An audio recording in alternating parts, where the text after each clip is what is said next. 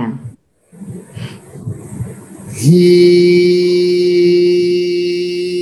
הילה קלעי נובוטני, שלום לך. שלום. פסיכולוגית, חינוכית, מומחית.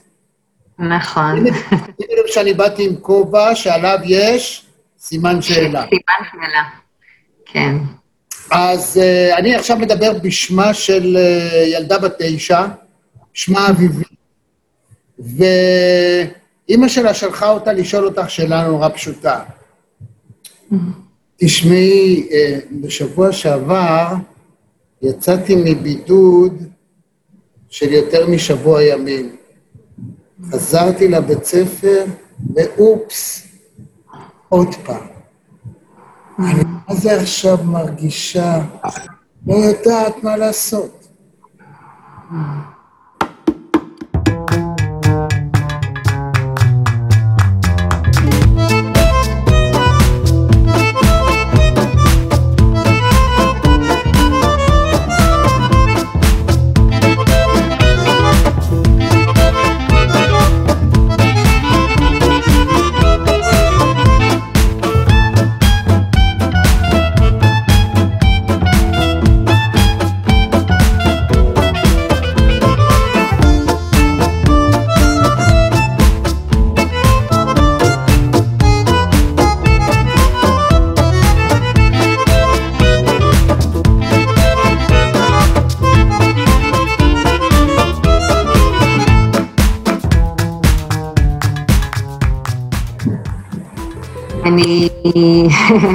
אני, שומעת ככה ש, שמאוד, אה, שאת מאוד מאוד גם אה, מתוסכלת וגם מוטרדת.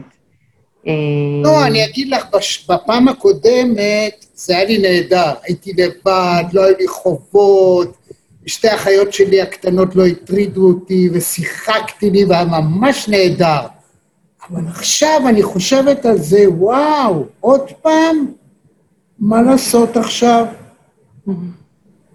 אז אולי תספרי לי קצת ממה את חוששת בעצם, ממה לעשות עכשיו? את חוששת מהלבד? את חוששת אולי מזה שאת לא יודעת מה הולך להיות? יש המון חששות שיכולים להיות פה, אז אולי תספרי לי קצת מה, מה עובר עלייך. אני לא יודעת מה לחשוב, כי נגיד עכשיו, אחרי מה שקרה, עכשיו זה קרה עוד פעם. אני מרגישה טוב, אין שום דבר, אבל מה, כל הזמן עכשיו זה יהיה? כאילו, יהיה לי שבוע ככה, ואז אני אחזור לבית ספר לכמה ימים, ועוד פעם, ועוד פעם, ואני לא רואה את אימא, ולא את אבא, ולא את האחיות, מה יהיה? זו שאלה ממש, אני ממש מבינה מה שעובר עלייך. אה, אני מבינה שאת מאוד מאוד אה, דואגת, ואת אה, אולי מרגישה קצת משועממת, אני שומעת, שאולי גם אין לך מה... לא, אני משחקת ואני בונה, ומביאים לי המון מתנות, ואני שומעת, יש לי אייפון, ואני שומעת שירים, ודווקא בקטע הזה, בפעם הקודמת, לא הייתה לי שום בעיה. ממש כאילו לא היה אכפת לי. עודדו אותי מאוד, והיה כיף. אבל עכשיו שאני חושבת על זה, אז מה, אז החיים שלי עכשיו יהיו בבדידות, סגורה בחדר שלי כל הזמן? מה יהיה? אז, אז אני יכולה לתת לך כל מיני רעיונות איך, אה, איך להתמודד עם המצב הזה שאת נמצאת בו, אבל, ולפני כן אני רוצה לשאול אם את נמצאת בקשר עם ילדים מהכיתה שלך. כן, עם החברות, אנחנו מתכתבות.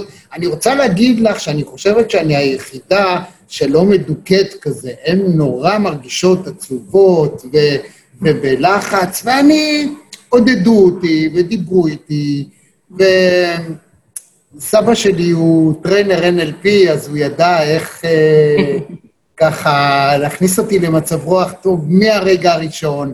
אבל עכשיו אני באמת לא יודעת, כי אי הוודאות הזאת הורגת אותי. מה, ככה יהיה?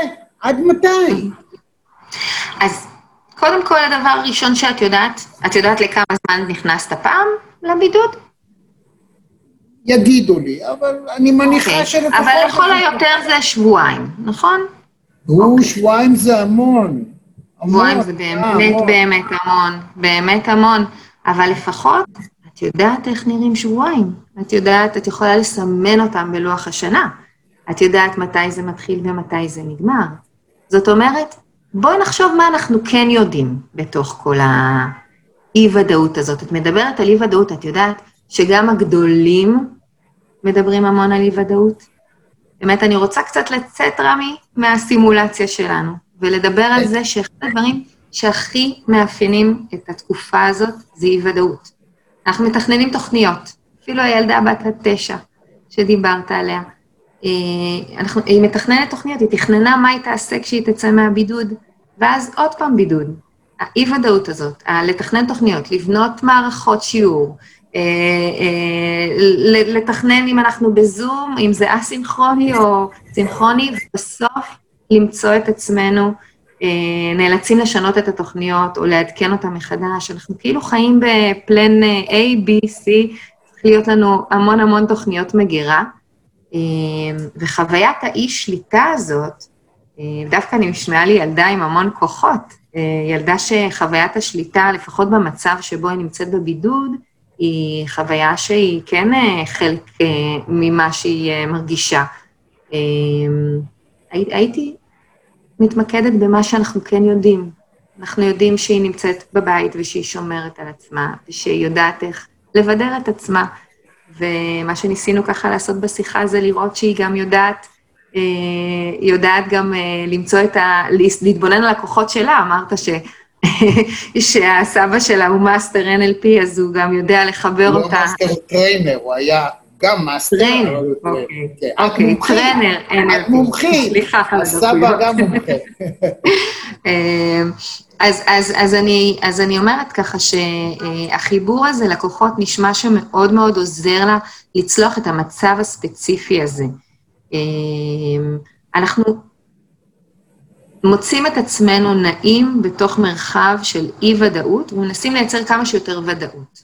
ותשמע, יש הרבה דברים שאנחנו יודעים, וגם יש לנו כבר, בוא נאמר שצברנו ניסיון במצב הזה, וגם גם הילדה צברה, הילדה הספציפית שעליה דיברנו, צברה ניסיון במצב הזה, היא כבר יודעת שיש לה דרכי התמודדות. כששאלתי אותה, אולי את חוששת, אולי את uh, מודאגת, אולי את משועממת, לא, היא ידעה שיש לה איך להתמודד, ואז בעצם היא אה, ידעה מאיפה לשאוב את, אה, אה, את ה... אני חושב שמה שמטריד אותה זה לא השבוע הזה או השבוע שיהיה, אלא סוג של תחושה שאני חושב שמאפיין את כולנו, שאנחנו לא יודעים כמה פעמים יכול להיות בידוד.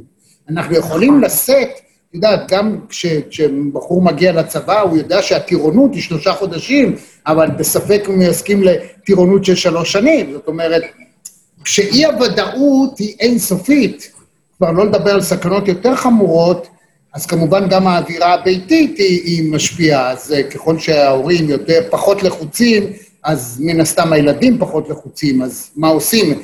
את מדברת גם עם ההורים, או מרגיעה חששות אצל ההורים? איך זה עובד? אז, אה, אז כן, אנחנו בעצם, אה, אני עובדת גם במגזר הפרטי וגם במגזר הציבורי, וככה העבודה שלנו במגזר הציבורי נותנת מענה להורים, גם בקליניקה הפרטית, אבל במגזר הציבורי אנחנו נותנים מענה להורים למסגרות חינוכיות. אגב, אנחנו מדברים על הקונסטלציה של אה, משפחה, אבל לילד יש גם משפחה ויש לו גם משפחה מורחבת, בוא נאמר ככה, יש לו את, ה, את הקונטקסט הבית-ספרי או הגני, אה, וגם למבוגרים המשמעותיים בסביבה הרחבה יותר יש השפעה על איך הילד יקבל את זה, זאת אומרת, ההדהודים שהוא מקבל של אוי, זה הולך להיות... להימשך לנצח, הם עידודים שהוא מקבל מהסביבה הרחבה יותר. אז איך את מציעה להורים, איך, מה העצות שאת נותנת להורים, איך להרגיע את הילדים? קודם כל, איך להרגיע את עצמם.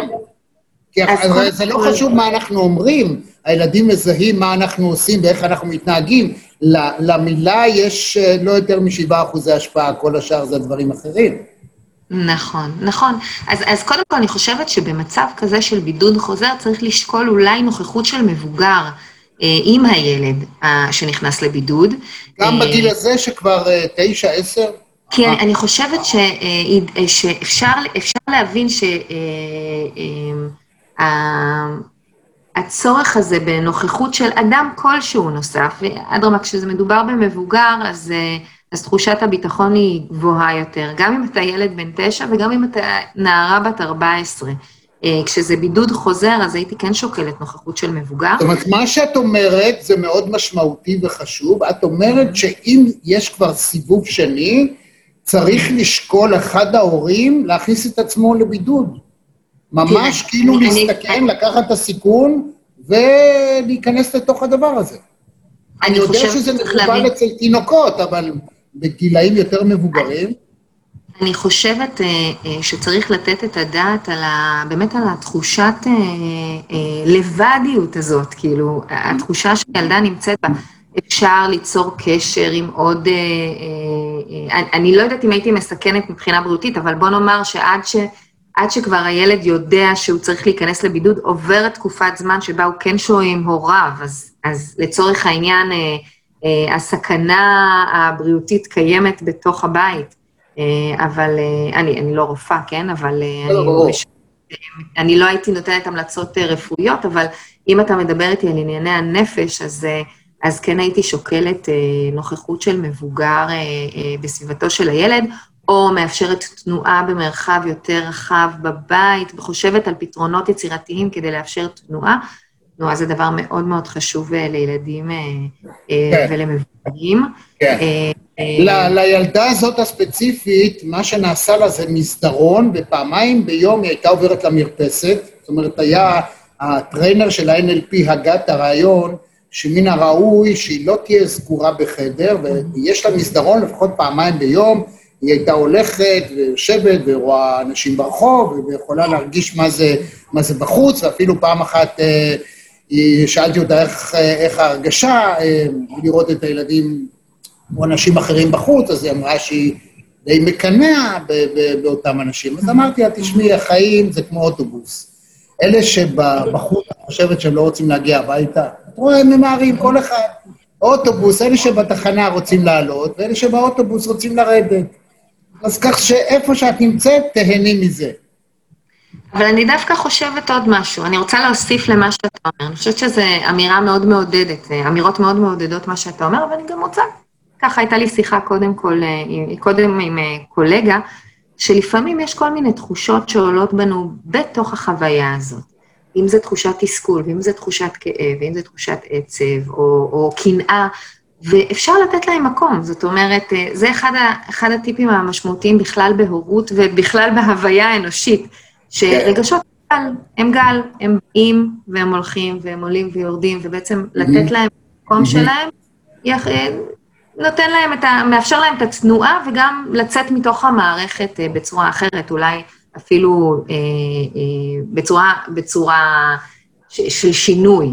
אה, כמה היית, כמה היית מאפשרת במקרה כזה, את יודעת, אנחנו חיים בעידן שבו אנחנו מגבילים את זמני המסך והטלוויזיה וכדומה, במקרים כאלה היית פותחת את הצוהר, כאילו מאפשרת הרבה יותר ליהנות, לקחת את זה בכיף, לראות טלוויזיה, לראות לא יודע מה. אתה, אנחנו שוב בעניין של בין, בין שליטה לאי שליטה, כי בעצם אנחנו, אה, השאלה הזאת אה, היא נכונה לא רק למי שנמצא בבידוד, אלא בכלל לילדים שחווים את החוויה הזאת של קושי להתנייד בחוץ כרגע, בגלל כל הקורונה ו, אה, ו, וקושי להיות במקומות מלאי אדם. אני חושבת שאפשר להיות צלחניים לגבי זה, אבל הייתי מנצלת את זה להזדמ... כהזדמנות. אני תמיד אומרת שכל סיטואציה בהורות או בהוראה, אה, או בכלל, בחיים, יש בה איזושהי, איזושהי הזדמנות. עכשיו, נכון. בהורות יש לנו הזדמנות להשפעה, וברגע שאנחנו מדברים על אה, יצירת, על, על, על תכנים שהילדים שלנו נחשפים אליהם, אז אנחנו יכולים להשפיע גם על כמות התכנים שהם נחשפים אליהם, אבל גם על איכות התכנים. זאת אומרת, אם אני מדברת על תנועה, ויש לצורך העניין אפשרות אה, לחשוף אותה אה, שיעור בזום שהוא אה, שיעור של פעילות גופנית, או, או, או, לייצר, או, או תכנים שהם יותר אה, חינוכיים, מלמדים, מעשירים, אז למה לא בעצם? אני חושבת שזו גם הזדמנות לחשוב, להורים לחשוב יצירתי, ולילדים לחשוב יצירתי, על איך אפשר להכניס כל מיני גורמים מעוררי יצירתיות, מעוררי עניין, לתוך הבית, לתוך החדר, ולהתגמש. אני, אני בעד... להתגבש, להתגבש.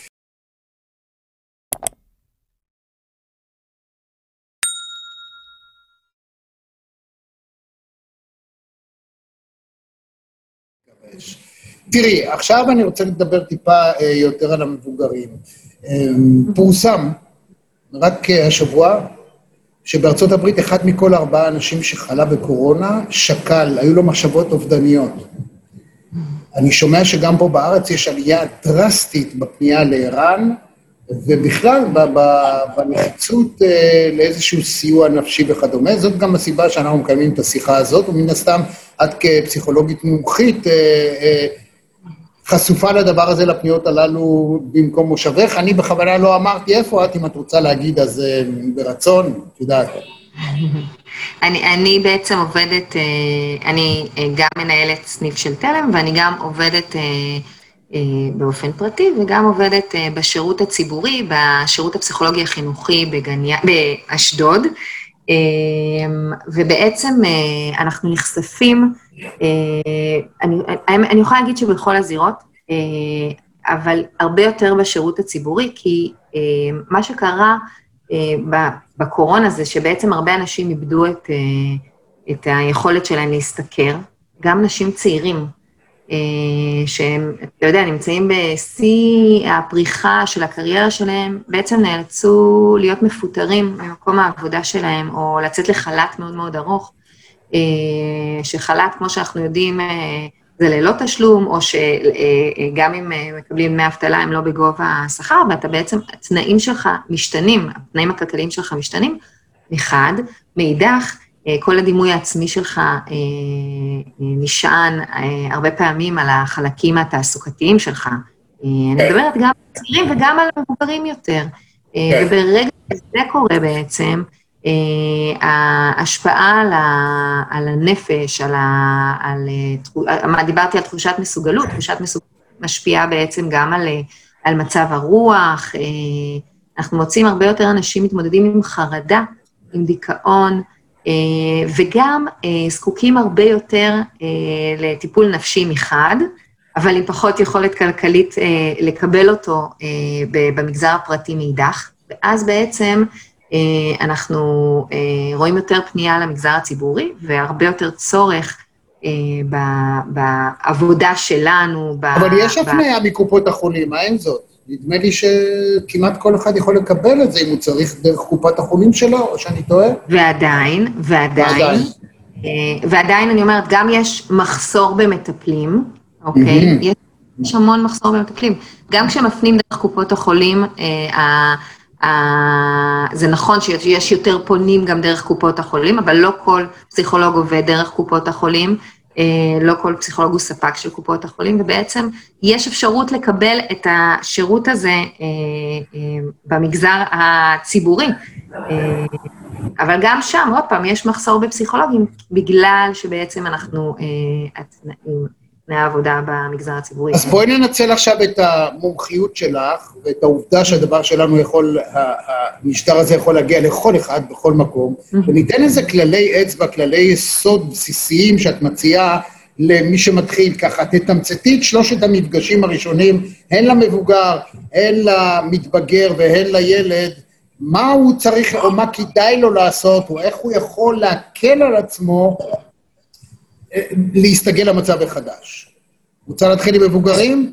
אחד שהוא... אני, אני יכולה להגיד דברים כלליים בעצם. אוקיי. אני חושבת, אם אנחנו מתחילים עם מבוגרים, אז המבוגרים, אה, דיברת קודם על זה ששבעה אחוז מהתקשורת אה, שלנו היא מילולית, והשאר נכון. זה בעצם אה, בהתנהלות, אז בהתנהגות, אז, אז חשוב שמבוגרים ידעו שיש להם השפעה גם על הילדים, אם אני מדברת על הורים, זה התחום עיסוק שלי, הורות, הורים, ילדים, אז, אז בעצם אה, אה, כל הנושא הזה, כל החוויה שבה אנחנו נמצאים כרגע היא חוויה של סטרס מתמשך. אז הגוף שלנו בהתחלה במצב סטרס מגיב בתגובה של אה, אה, קיפאון או לחימה או... fight or flight או freeze. fight, fight, כן, fight, flight. כן. אה, בדיוק, בדיוק, ו, אה, וזה יפה ונכון כשאנחנו נמצאים במצב חירום אה, אקוטי, לא כשאנחנו נמצאים במצב חירום כרוני, ואז בעצם אנחנו יכולים לזהות את זה דרך כל מיני תופעות פיזיולוגיות שלנו, כי הגוף שלנו מדבר. אז, אז הדבר הראשון שאפשר לעשות זה באמת להבין שהמצב הזה, זה מה שיש כרגע, ועם זה אנחנו מתמודדים, אוקיי? אה, ואיך אנחנו יכולים להפיק מזה אה, אה, תועלת. אם נגיד על ההתמודדות, מה שאת אומרת, הייתי אולי מציע, או לחשוב, תחשוב על אותו יום, על היום, איך אני מעביר את היום הכי טוב שאפשר בדיוק. ברמה היומית. לא, אל תחשוב בדיוק. עכשיו, יהיה לי עבודה, לא יהיה לי, כמה אני... היום אתה יכול להעביר, בוא נעביר את היום בהכי טוב שאפשר. אני חושבת שזה נכון, אני חושבת שזה נכון. אני הייתי גם אה, אומרת, אוקיי, יש לי את היום, זה מה שאני עושה היום. לא הייתי אה, מפספסת את החשיבה על המחר, על הרגע של אחרי, אה, כי אני תמיד אה, בעד להחזיק איזושהי תקווה. אה, התקווה שלנו היא תמיד אה, זאת שמגדלת אותנו, זאת שמחזיקה אותנו, זאת שמשמחת אותנו. זה, זה אגב נמצא גם במחקרים, שזה אחד הדברים שהכי עוזרים כן. לאנשים שחולים במחלות פיזיות אה, להתגבר על המצב שלהם. אז, אז, אז בעצם גם הייתי מדברת על לקחת יום ביומו, לעשות את המטלות שקשורות ליום הזה, וכמו שאמרת, אבל גם להחזיק תקווה מצד שני.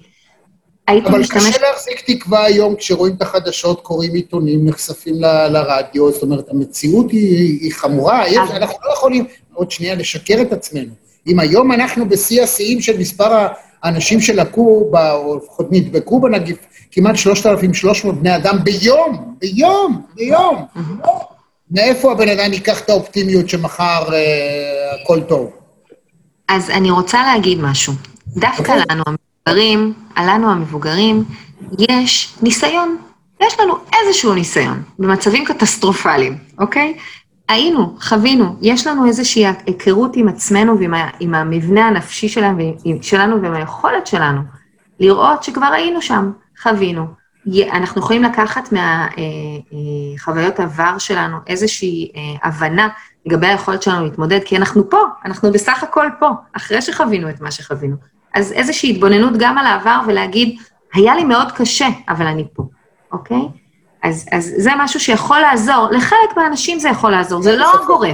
ברור. איך אנחנו מזהים אם אדם אה, נכנס משלב אה, חרדה לדיכאון, לדיכאון עמוק, ואולי אפילו ניצנים של אה, נטיות אובדניות? מה אנחנו רואים? התבודדות, אה, הסתגרות? הסתגרות, הסתגרות מאוד, הסתגרות. בעצם, בעצם הרבה פעמים חרדה ודיכאון נמצאים באותו, אתה יכול למצוא אותם באותו, באותו level, זה לא, זה לא רק מעבר בין שלבים, זה אה, אדם יכול להיות דיכאוני וחרדתי, ואתה יכול למצוא את זה באותו מקום. עכשיו שוב, יש אנשים, כמו שאמרתי, אמרתי, אמרתי משהו, ואני אגיד קצת משהו והיפוכו.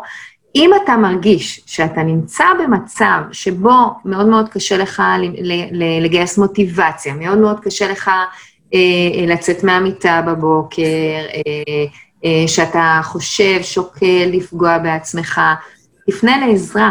או אם אתה שומע. המתבגר שלך מסתגר, לא יוצר קשרים, כי יש כל כך הרבה דרכים, לצורך העניין למתבגרים, ליצור קשר עם החברים. אה, ואם הוא בוחר שלא לעשות את זה, צריך להדליק איזושהי נורה אדומה. אגב, אה, אה, יש גם הרבה תופעות שאני פוגשת של הפרעות אכילה בתקופה הזאת, הצטמצמות. או זלילה. מה? הפרעות אכילה, כן, כן. או זלילה או הצטמצמות. כן, כן. אבל אני אומרת שלהיות ערניים לזה, המצב הוא, הוא לא פשוט, זה כאילו איזה שהן תגובות שנראות לנו כאילו נורמלית, נורמליות למצב לא נורמלי, אבל המצב הזה הוא מתמשך, פנו לקבל עזרה.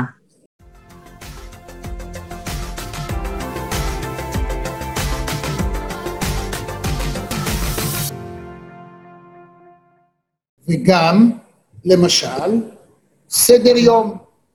קמים בבוקר, קודם כל להוריד את הפיג'מה ולהתלבש.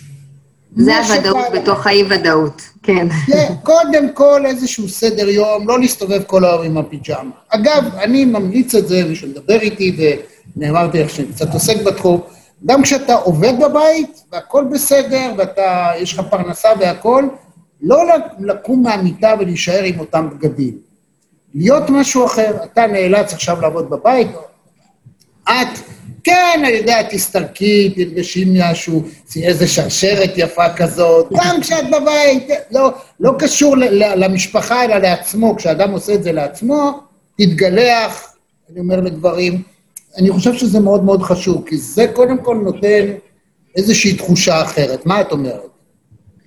אתה מדבר על בעצם לייצר איזושהי ודאות בתוך האי-ודאות, או לייצר איזשהו אה, מרחב של אה, אה, אה, פנים, ואתה מדבר על איך החוץ שלנו משפיע על הפנים שלנו. אה, וזה, וזה גם משהו שמחזק את התקווה, אגב, בעיניי. אה, לדעת ש, אה, שיש לי למה לצפות, לדעת שכשאני קם בבוקר אז אני פותח את המחשב ויש לי איזושהי שגרה, גם אם השגרה היא משתנה, היא, היא קיימת. אה, אז כן, זה משהו שבתחילת הקורונה בעצם היו הרבה שיחות על זה, הרבה דיבורים על זה. לייצר איזושהי שגרה, לייצר איזושהי ודאות, לייצר איזושהי תחושה של שליטה בתוך הסדר יום שלנו. והורים אה, לפעמים נכנסו לזה במקום מאוד מאוד נוקשה. ו, ו, ואז, ואז היו המון מלחמות עם הילדים. עכשיו, אני, אני כן חושבת שיש לזה משמעות ויש לזה איזושהי אה, אה, אה, אה, כוח בתוך היום-יום שלנו, אבל אני, אני אומרת, גם בתוך זה צריך להתנהל בגמישות. אני כן, אני כן מתחברת לזה שהחוץ יכול להשפיע על הפנים. לא, אבל לא שגרה כפויה, לא להיות רס"רים, סליחה על הילד. כן, אז אני אומרת, צריך לעשות את זה במין גמישות כזאת. הדבר הכי גרוע שאתם יכולים לעשות לילדים שלכם זה פתאום להפוך להיות הרס"רים שלהם. בחיים לא. לא, לא, לא, לא, לא לזה התכוונתי. עכשיו אני רוצה לענות, לעלות נקודה. אני רוצה, אני רוצה להגיד עוד משהו על ילדים ש, אה, שיש להם קשיים, שסובלים מקשיים מלכתחילה בתחום הלימודי. אמ, אפשר, אפשר לפנות בעצם לשירותים הפסיכולוגיים אה, החינוכיים, אם יש איזושהי, אמרתי ככה שאפשר לפנות, אז יש כל מיני גורמים גם, ב, גם בשירות הציבורי שאפשר לפנות אליהם ולקבל עזרה, וגם אה, ככה להורים לילדים ולילדים אפשר לפנות באמת, כמו שאמרתי, לשירותים הפסיכולוגיים החינוכיים. אה, אבל מה שרציתי ככה אה, להגיד, שיש ילדים שמתקשים מאוד מלכתחילה בלמידה, ובעצם זקוקים לאיזושהי עזרה. בתי הספר התחלפה שנה, והתחלפה לפעמים גם מחנכת, וצריך להזכיר את הדבר הזה. הורים צריכים לפנות ולהזכיר שילד צריך עזרה גם בשיעורים מקוונים. אה, לפעמים זו עזרה אישית, לפעמים זו עזרה בגלל שהילד לא נותן את הטיפול התרופתי, במידה והוא לוקח טיפול תרופתי, לא נותן את הטיפול התרופתי במסגרת הבית, ואז הוא צריך איזושהי עזרה מוכוונת ומותאמת לו. אני יכול לספר לך סוד, הילה? Mm-hmm. מי שצריך עזרה בדרך כלל זה המורים, אין להם מושג איך מלמדים בזום. הם, גם עליהם זה נופל, גם הם לחוצים. הלימודים שלהם נראים נוראים, הילדים מתלוננים, הם אומרים שזה משעמם, שהמורה לא יודעת על מה היא מדברת, כל הזמן יש לה תקלות. זה קורים דברים נוראים, מתוקף האירועים לא לימדו את האנשים מה לעשות. תראי את השיחה שלנו, קבענו, לא דיברנו לפני, אבל התיישבת, טק-טק, סידרת את הדבר, תאורה, ואנחנו מדברים. זאת אומרת, אנחנו כן הצלחנו לייצר, לא תמיד, לא כל המורים יודעים לעשות את זה, בעיקר שהם צריכים להפעיל עזרים או לחשוב בו זמנית, הם רגילים או רגילות המורות להתנהגות מסוימת בכיתה. וגם תלמיד, הרי בסופו של דבר חלוקת הקשב שלו היא משתנה. הוא רגע מסדר לעצמו משהו, כותב במחברת, מסתכל, לוחש לחבר, ופתאום הוא כל הזמן צריך להסתכל על, מבע, על uh, מסך. זה לא פשוט. זה לא פשוט לכל, לכל הצדדים, וההתאמה, האדפטציה של הדבר הזה לוקחת הרבה זמן. ללמד אנשים זה, זה לא דבר שהוא פשוט.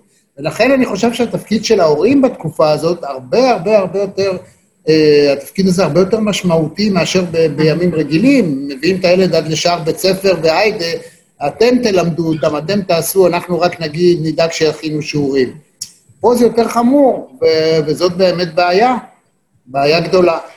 אני, אני, חושבת שמה שנקלענו אליו, זה ממש נקלענו אליו, זה ממש קרה, קרה לנו. לא היה שום דבר, לא היה לנו כמו שאנחנו עושים בדרך כלל במצבים ביטחוניים, שיש לנו איזו תוכנית על ואנחנו יודעים איך להתמודד איתה. לפחות אני גרה בדרום, אז אני, יש, לי, יש לי איזושהי פרספקטיבה של כמה שנים של אה, אה, התנהלות, אבל אני חושבת שלא היו לנו תוכניות מגירה, ופתאום נאלצנו אה, ללמוד תוך כדי תנועה. כן. אה, דיברת על התאמה, אני חושבת שאפילו ההתאמה של הדברים שהיו צריכים להיות קודם, כמו התאמה של שירותים של המדינה, לצורך העניין, שנעשים פתאום דרך האינטרנט והרבה יותר יעילים שהם נעשים בצורה מקוונת. אז, אז יש דברים שהם יותר יעילים ויש דברים שיש בהם עדיין תקלות. אני חושבת שמורות היו צריכות לי, לעשות איזושהי אה, התאמה אה, אה, בצורה חדה, אוקיי? ופתאום הן צריכות ללמד בזום, וחלק מהכיתה הן צריכות ללמד בפרונטלי. כן. אני חושבת ש...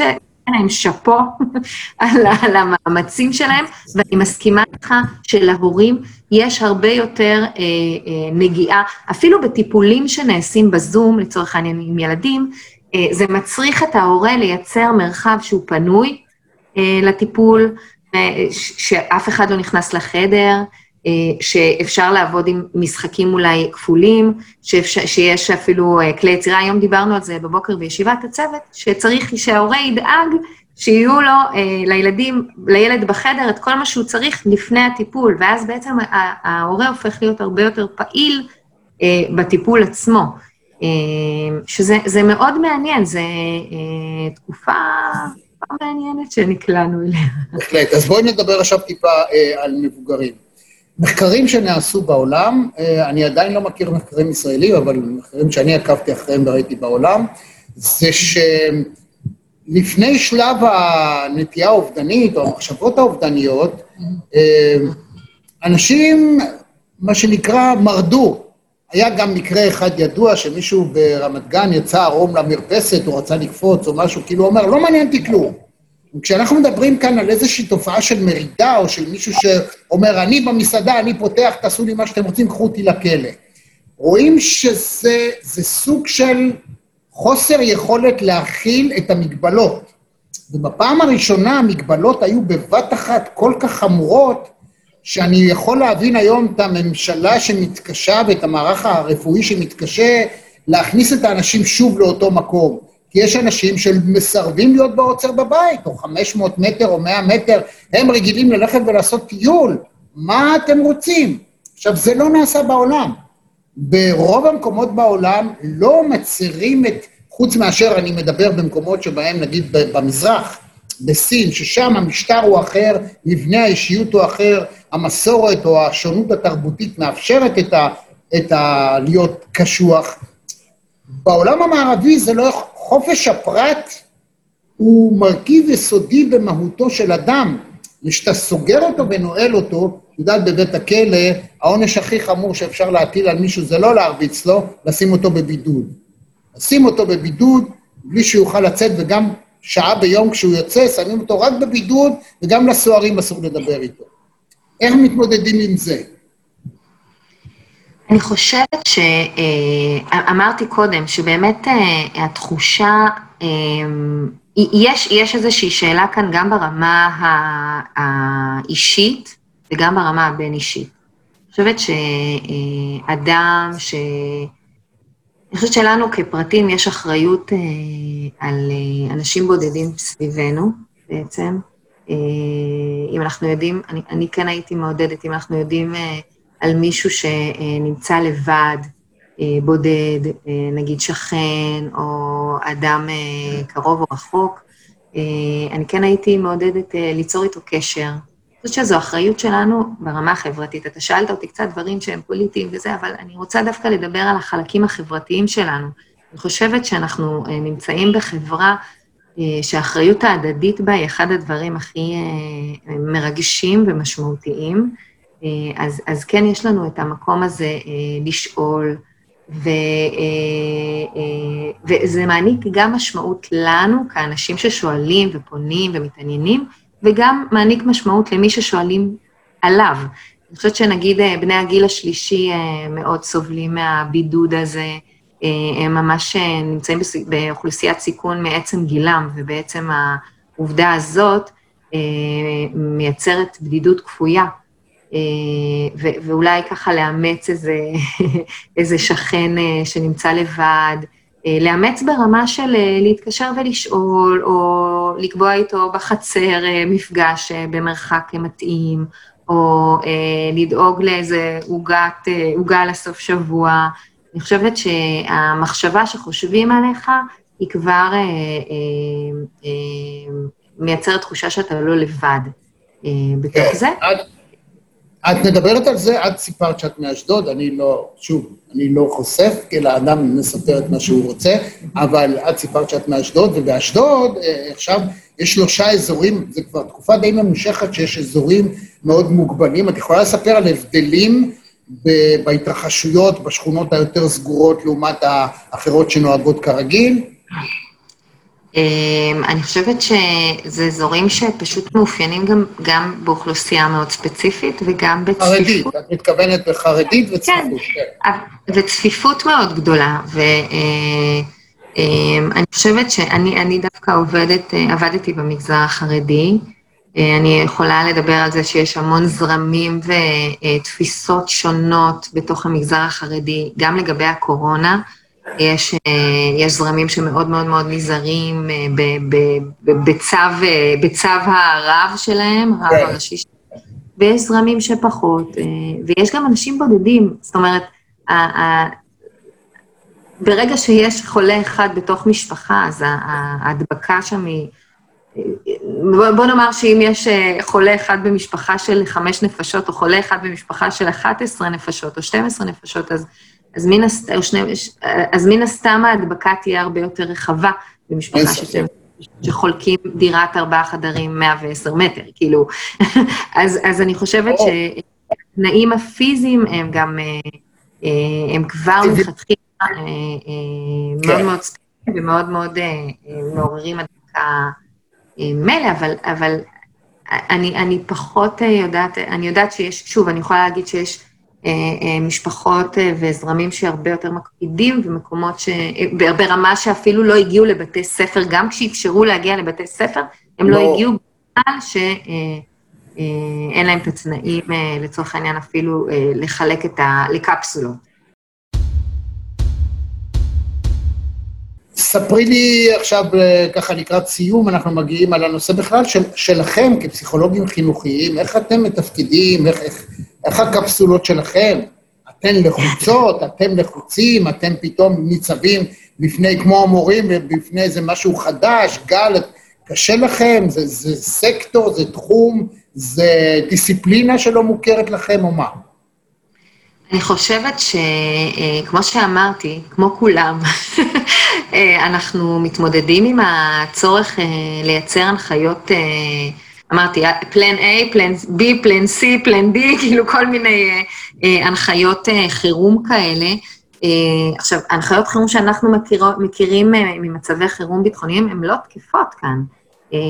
גם ישיבות הצוות הן נעשות עם מסכות, אם הן נעשות, ומרחבים פתוחים, אה, זה, זה מצריך בעצם כל מיני אה, אה, התארגנות סביב תקנות ספציפיות. כן, יש הרבה מאוד עומס, וגם צורך להכיל את כל מה שקורה לצוותים החינוכיים בעצם שאנחנו עובדים איתם, שזה משהו מאוד משמעותי. אתה דיברת קודם על המורות, ולסייע בחשיבה, לסייע בחשיבה על, על איך, איך מנהלים בכלל את כל הדבר הזה.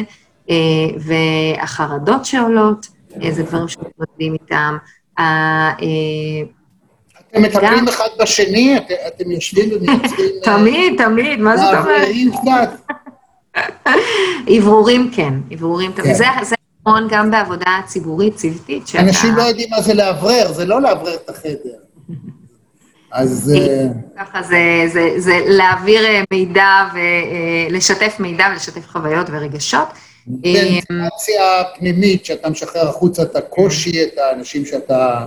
זה גם בעיה, אני מבין, לייצר סוג של ריחוק, או, או כאילו להשתחרר ממישהו שמגיע והוא נכון. במצב מאוד לא טוב. מה את עושה?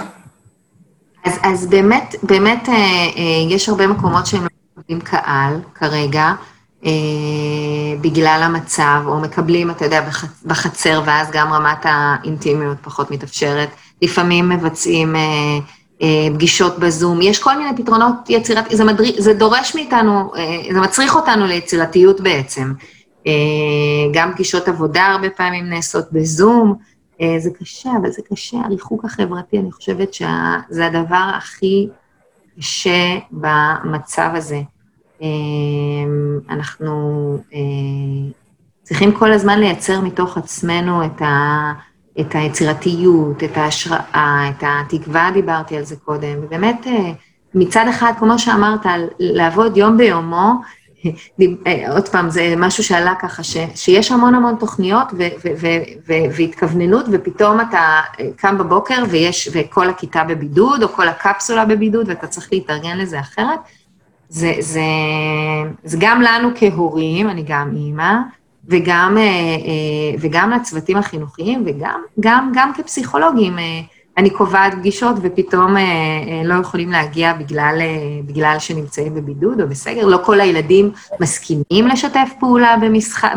בטיפול בזום, שזה גם משהו שככה אה, קצת מקשה עליו. מה זה אומר? זה סממן למה? איך, איך, איך, איך את קוראת את הסירוב של ילד, פתאום ההסתגרות שלו פחות חברתית? יש, ילד, יש ילדים שקשה להם uh, התקשורת הזאת, הדו-מימדית, הם צריכים לת, לשחק איתי, uh, mm-hmm. ממש להרגיש את הנוכחות שלי פיזית. אתה יודע, יש משהו בנוכחות תלת-מימדית, שזה אפילו לא תלת-מימדית, זה נכון. חמש מימדים, אה, נכון. חמישה שאתה, אתה, אתה, יש לך את הריח של האדם שיושב איתך, יש לך את, ה, את הקול שאתה שומע, שהוא נשמע אחרת בזום. אין ספק. את הנוכחות. וברגע שזה לא קיים, זה, זה משהו שהוא מאוד חסר ב... ב... אז, אז כל הזמן יש ני, תנועה כזאת בין, אוקיי, אה, אה, אה, אני, אני מרגיש מאוד, מאוד מאוד קשה לי להסתגל למצב החדש, למה אני צריך להסתגל אליו, או כמו שאמרת קודם, למה צריך להיכנס לבידוד, למה כולם צריכים, למה, למה, למה כזאת קיצוניות? ומצד שני יש את נעבוד עם מה שיש, זה מה שיש כרגע, נפיק מזה את המיטב. יש, יש כל הזמן תנועה בין uh, להרגיש את הרגש, לתת לכאב להיות, לתת לה, לעצב להיות, לבין uh, לעבוד עם מה שיש ולייצר מזה חוויות אחרות. Uh. הנה שאלה מהניסיון שלך כפסיכולוגית חינוכית uh, מומחית.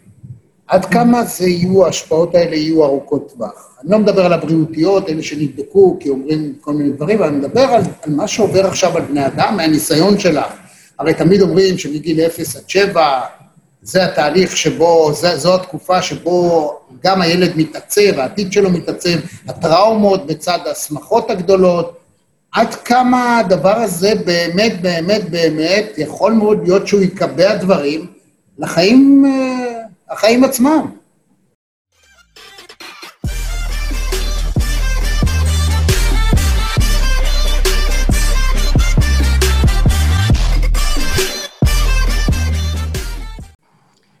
אתה מדבר על לקבע ואני מדברת על לפתוח, על לאפשר, על... אני, אני חושבת שתהיינה לזה השפעות מאוד מאוד משמעותיות. איזה השפעות? רק הזמן יכול להגיד. אין לי, אני לא...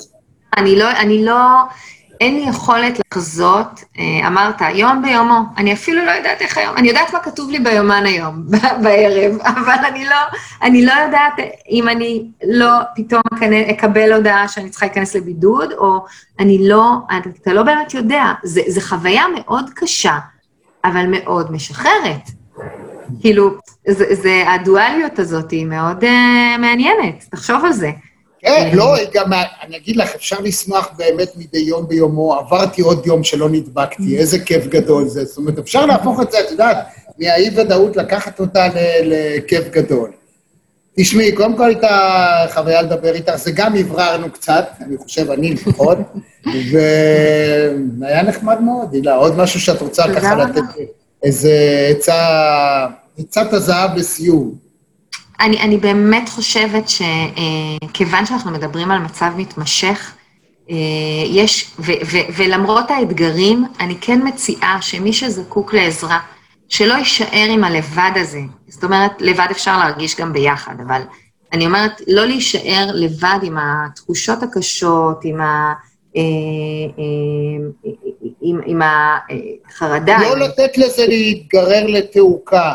לא כשאתה כן. מרגיש שמשהו נסגר עליך, פתח אותו, לפחות תשמר את המצב הקיים ותעשה כל מה שאפשר לפתוח. ולתרגל אה, הרפייה. יש המון המון... אה, אה, נכון. הרפיות ברשת, ממש לתרגל את החיבור לגוף, כי אחד הדברים שקורים לנו בתקופה הזאת זה שאנחנו מאוד מתנתקים מהגוף שלנו. בכלל כל השיח הוא על גוף, כן. מחלה גופנית, אבל אנחנו נותנים לה משמעויות אבל אנחנו... משמעויות חברתיות, משמעויות פסיכולוגיות, אבל, אבל אני, אני כן חושבת שהחיבור עם הגוף, ה... להקשיב למה שקורה לנו, לעבוד איתו, יש לזה יכולת גם מרפאה. אה, וגם... אה, אין כמו מיינדפולנס כדי... מיינדפולנס. כן. אני בעד, אני בעד. הילה קלעי נובוטני, באמת, הייתה לי חוויה לדבר איתך. תודה. אני מאחל לך שיהיה לך הצלחה, אני יודע שהעבודה שלך קשה. אמרת לי שיש לך שלוש בנות, אז נשיקה לשלושתן, ושנהיה בריאים. תודה רבה. תודה. ביי ביי.